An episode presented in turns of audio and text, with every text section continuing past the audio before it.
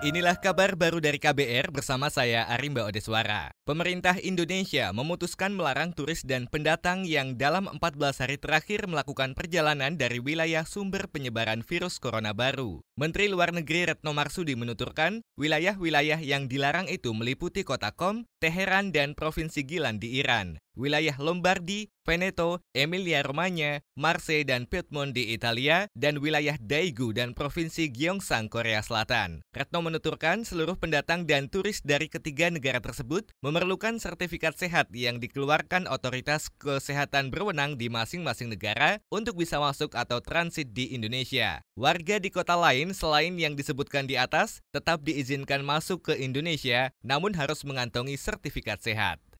Sementara itu, saudara, juru bicara pemerintah untuk penanganan COVID-19 Ahmad Yuryanto mengatakan, saat ini banyak penyebaran COVID-19 meluas, namun tingkat keganasan virus menurun. Ia menyebut banyak orang terpapar virus tetapi tidak mengalami gejala saat kondisi tubuhnya baik. Hanya saja saat kondisi tubuh menurun, gejala seperti demam dan sesak napas langsung muncul. Karena kondisi inilah menurut Yuri, masa inkubasi atau observasi menjadi lebih panjang. Sekarang kecenderungannya adalah virusnya ada, tetapi tidak mampu berkembang biak dengan cepat di dalam tubuh. Sehingga ada tetapi sedikit. Nah, kondisi ini kita tengarai kemungkinan yang paling besar adalah daya tahan tubuhnya bagus. Yang kedua, memang virusnya sudah menjadi semakin melemah. Inilah yang kemudian bisa menjelaskan kenapa kok kemudian inkubasinya tidak lagi 14 hari. Kita menyepakati secara global sebaiknya observasi yang dilakukan terhadap orang yang diduga atau PDP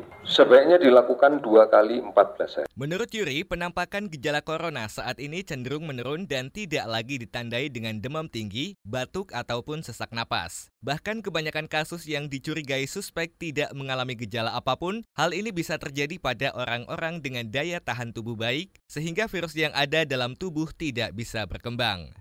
Kita beralih ke informasi selanjutnya, Saudara. Rumah Sakit Penyakit Infeksi RSPI Sulianti Saroso menyatakan ruang isolasi khusus pasien COVID-19 telah penuh. Direktur Utama RSPI Sulianti Saroso, Muhammad Syahril mengatakan, guna mengatasi penuhnya ruangan isolasi, pihaknya akan mengalihkan pasien ke tujuh rumah sakit rujukan lain. Saat ini, Rumah Sakit Sulianti Saroso tengah menangani sembilan orang terkait corona. Saat ini kan bertambah pasien kita ya, dan pemerintah sudah menyebutkan di KI ini ada delapan rumah sakit rujukan, dan memang ternyata kita kan kondisikan ada 11 ruangan ya sudah terisi 10 kemarin bahkan 11 nah saat itu pasien sudah kita alihkan ke rumah sakit rujukan yang lain jadi jangan ada kesan RSPI menolak pasien karena memang kita penuh ya nggak mungkin dia dimasukkan di ruangan yang bukan isolasi. Makanya dari kelapan tadi sudah disiapkan oleh Kementerian Kesehatan. Muhammad Syahril memastikan pelayanan isolasi di rumah sakit lain akan sama dalam melayani pasien terkait corona seperti dengan Rumah Sakit Sulianti Saroso. Katanya hal tersebut akan terus dikoordinasikan dengan Kementerian Kesehatan. Ketujuh rumah sakit rujukan itu di antaranya Rumah Sakit Persahabatan, RSPAD Gatot Subroto, RSUD Pasar Minggu, RSUD Cengkareng, RS TNI AL Minto Harjo, RS Sukamto Bayangkara Kramat Jati, dan RSUP Fatmawati.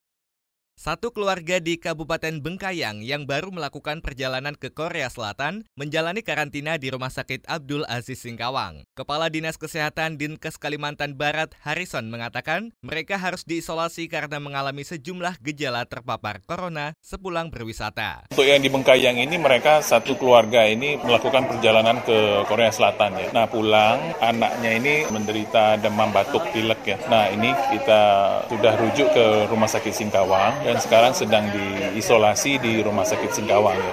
Harrison menuturkan Dinkes Kalbar juga sudah mengambil sampel dari tenggorokan pasien untuk diperiksa di laboratorium Kementerian Kesehatan. Demikian kabar baru dari KBR, saya Arimba Odeswara.